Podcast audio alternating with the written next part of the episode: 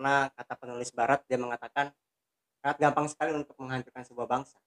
Pertama hancurkan sejarahnya kemudian kebudayanya dan buku-bukunya.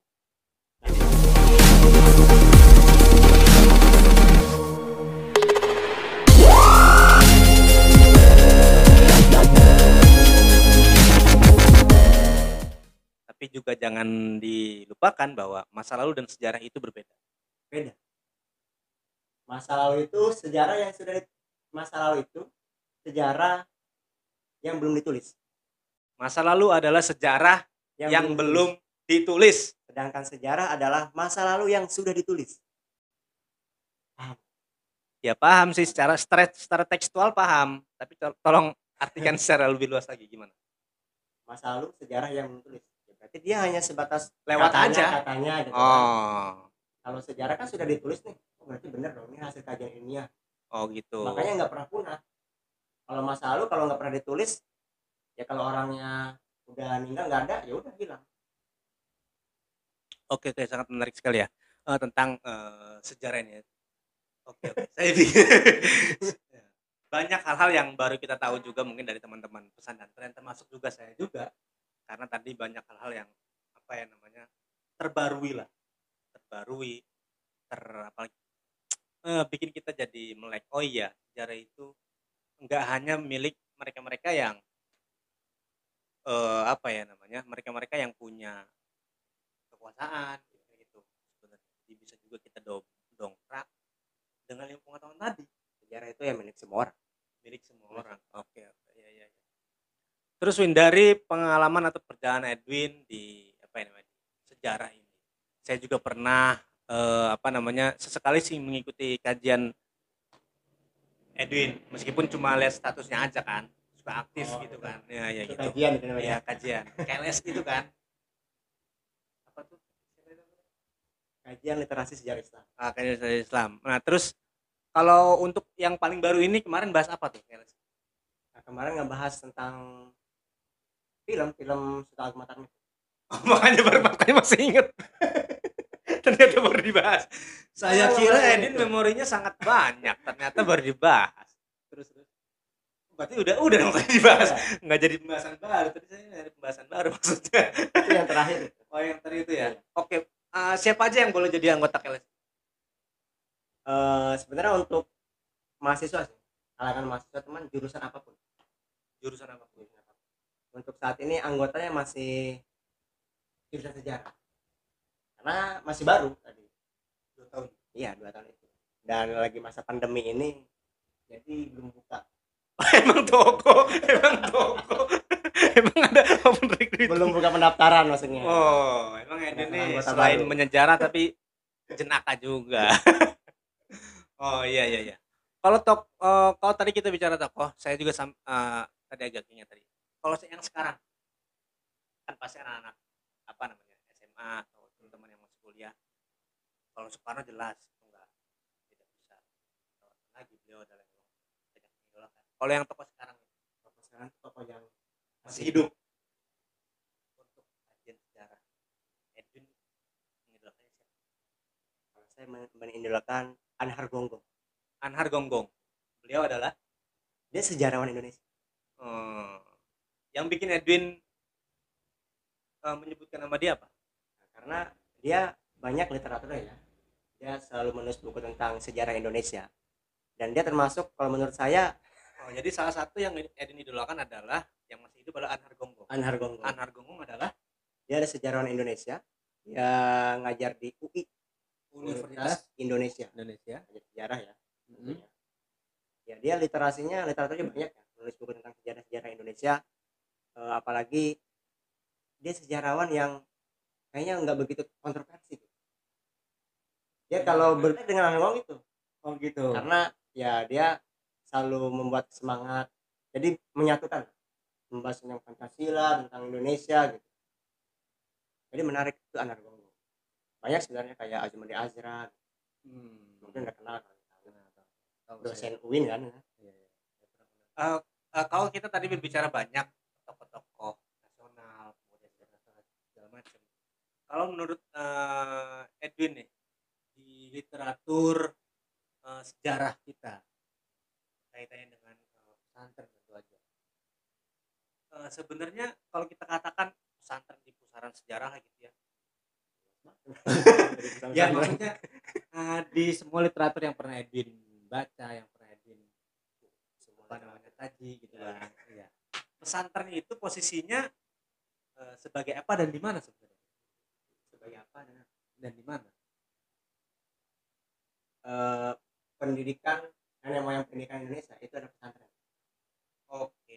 Nah, berarti itu sebagai nenek moyang. iya benar Oh gitu. betul jadi sebelum kan Oh gitu. Jadi pesantren posisinya adalah sebagai cikal bakal. sebenarnya bagus sih sekol- eh, apa pendidikan pesantren itu karena tadi satu pesantren itu pendidikan nenek moyang kita adalah pesantren pesantren itu mengajarkan tentang kebangsaan nasionalisme lihat kalau di pesan pesantren misalnya madrasah juga pasti pakai peci Ya. peci kan yang kita ketahui wah ini simbol agama kan simbol Islam padahal bukan Iya juga sih. iya juga Iya juga. Tapi ternyata tapi sebenarnya lain. iya, sebenarnya dia simbol kebudayaan simbol kebangsaan jadi orang non muslim juga bisa pakai peci Ya kan kita juga suka ngeliat kan di Bali Iya, banyak, pakai gini-gini berarti ya. peci adalah simbol kebudayaan sarung. oh gitu ya. Eh, sebagai apa? Terus di mananya. Oh tadi kita bahas di awal salah satu yang perjuangkan mereka adalah santri. Ada yang masih Edwin ingat itu di kancah kemerdekaan Indonesia? peristiwa Surabaya November itu 10 November. ya 10 November yang di, yang diperingati sebagai Hari Pahlawan Hmm. itu sebagai kancah dan perjuangan santri Eh, karena sedikit karena itu ya sebagai mempertahankan kedaulatan negara Indonesia. Ya, kalau tidak ada peristiwa itu mungkin eh, Indonesia akan terpecah. Makanya Kiai Haji Hasim Asyari itu kan mengeluarkan resolusi jihad 22 Oktober itu. Isinya kan intinya bahwasanya eh, hukum melawan penjajah itu fardu ain wajib dan itu diperjuangkan oleh santri-santri. oleh oleh ulama. Bahkan saya juga pernah ngedenger salah satu acara di waktu itu saya pernah Darat Kolam. Gitu. Jadi apa ya namanya? eh, kalau mau kita pisahkan ya memang tidak terpisahkan Gitu. gitu. Kalau memang kita mau sandingkan sangat eh, apa ya sangat sanding menyanding gitu antara santri dan kebangsaan kita sebagai bangsa Indonesia. Ya teman-teman, eh, itu tadi pembahasan kita bisa dibilang itu mudah-mudahan jadi cuma jadi mukadimah lah ya. Atau mungkin nanti kita di kesempatan lain akan membahas secara hal yang lebih spesifik lagi. Selebihnya baca buku aja Nah, selebihnya bisa baca buku yang banyak. Dan apa yang namanya referensi-referensi atau literatur-literatur jangan pilih-pilih baca buku untuk ilmu pengetahuan ya kan?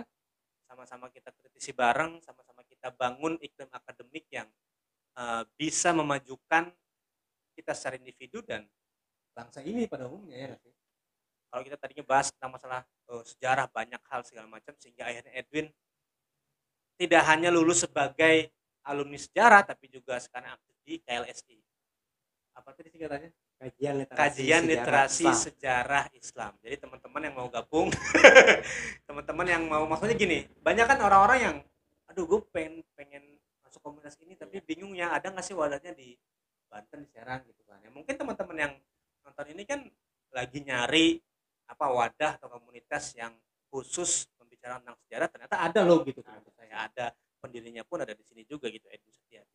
Jadi mudah-mudahan dari apa yang kita bicarakan kita bisa mengambil manfaatnya. Terakhir Win karena kita sedang ada sedang ada di podcast pesan dan tren ya kan? Ya. pesannya bisa diambil trennya bisa dibawa pulang.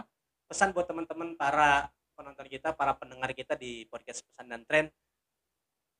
Eh, apa namanya pesan-pesannya kenapa atau mungkin pesan-pesannya teman-teman yang ya sampai saat ini masih bilang sejarah itu menjenuhkan sejarah itu bikin bete karena panjang lebar. Apa pesan ya pesan-pesannya pertama sejarah itu penting ya. Eh, karena kata penulis barat dia mengatakan sangat gampang sekali untuk menghancurkan sebuah bangsa. Pertama hancurkan sejarahnya kemudian kebudayaannya dan buku-bukunya. Jadi yang pertama adalah sejarah. Sejarahnya kebudayaan dan buku-bukunya nah kalau sejarahnya kalau kita nggak melek sejarah ya ya kita nggak tahu identitas kita gitu. Oke. orang mungkin nggak tahu eh ya apa sih sejarah. Ada orang yang nggak suka sejarah padahal dirinya dirinya sendiri sedang berbicara sejarah. Dirinya sendiri sedang berbicara berbicara se- sejarah. Mis- misalkan saya ketemu sobat nih. Wah kita cerita masa lalu nih. Oh ternyata sedang membahas sejarah nih. Oh ya, secara nggak sadar. saya nggak sadar itu sangat penting. Jadi pertama. sejarah itu harus dipelajari. Kalau kita nggak belajar sejarah eh, khawatir bangsa ini akan hancur. Jadi ya dalam literatur Islam juga Al-Quran hadis banyak sekali mengkaji tentang sejarah. Maka kita sebagai umat Islam yang berbangsa dan negara kenapa enggak kita belajar sejarah? Oke, jadi cintailah sejarahmu karena kalau kita tidak mencintai sejarah kita, kata yang tadi Edwin bilang, kita akan dihancurkan melalui satu adalah hancurkan sejarahnya, kemudian yang kedua adalah kebudayaan, yang ketiga adalah buku-bukunya. Naudzubillah semua naudzubillah, mudah-mudahan itu terjadi dengan kita karena memang itu yang sangat kita hindari. Maka eh, ini aja dari kita dari podcast pesan dan tren. Kurang lebihnya mohon maaf, pesannya didapat, trennya bisa kita bawa pulang. Terima kasih, saya Sofatil Amin. saya Edwin Setiadi Wassalamualaikum warahmatullahi wabarakatuh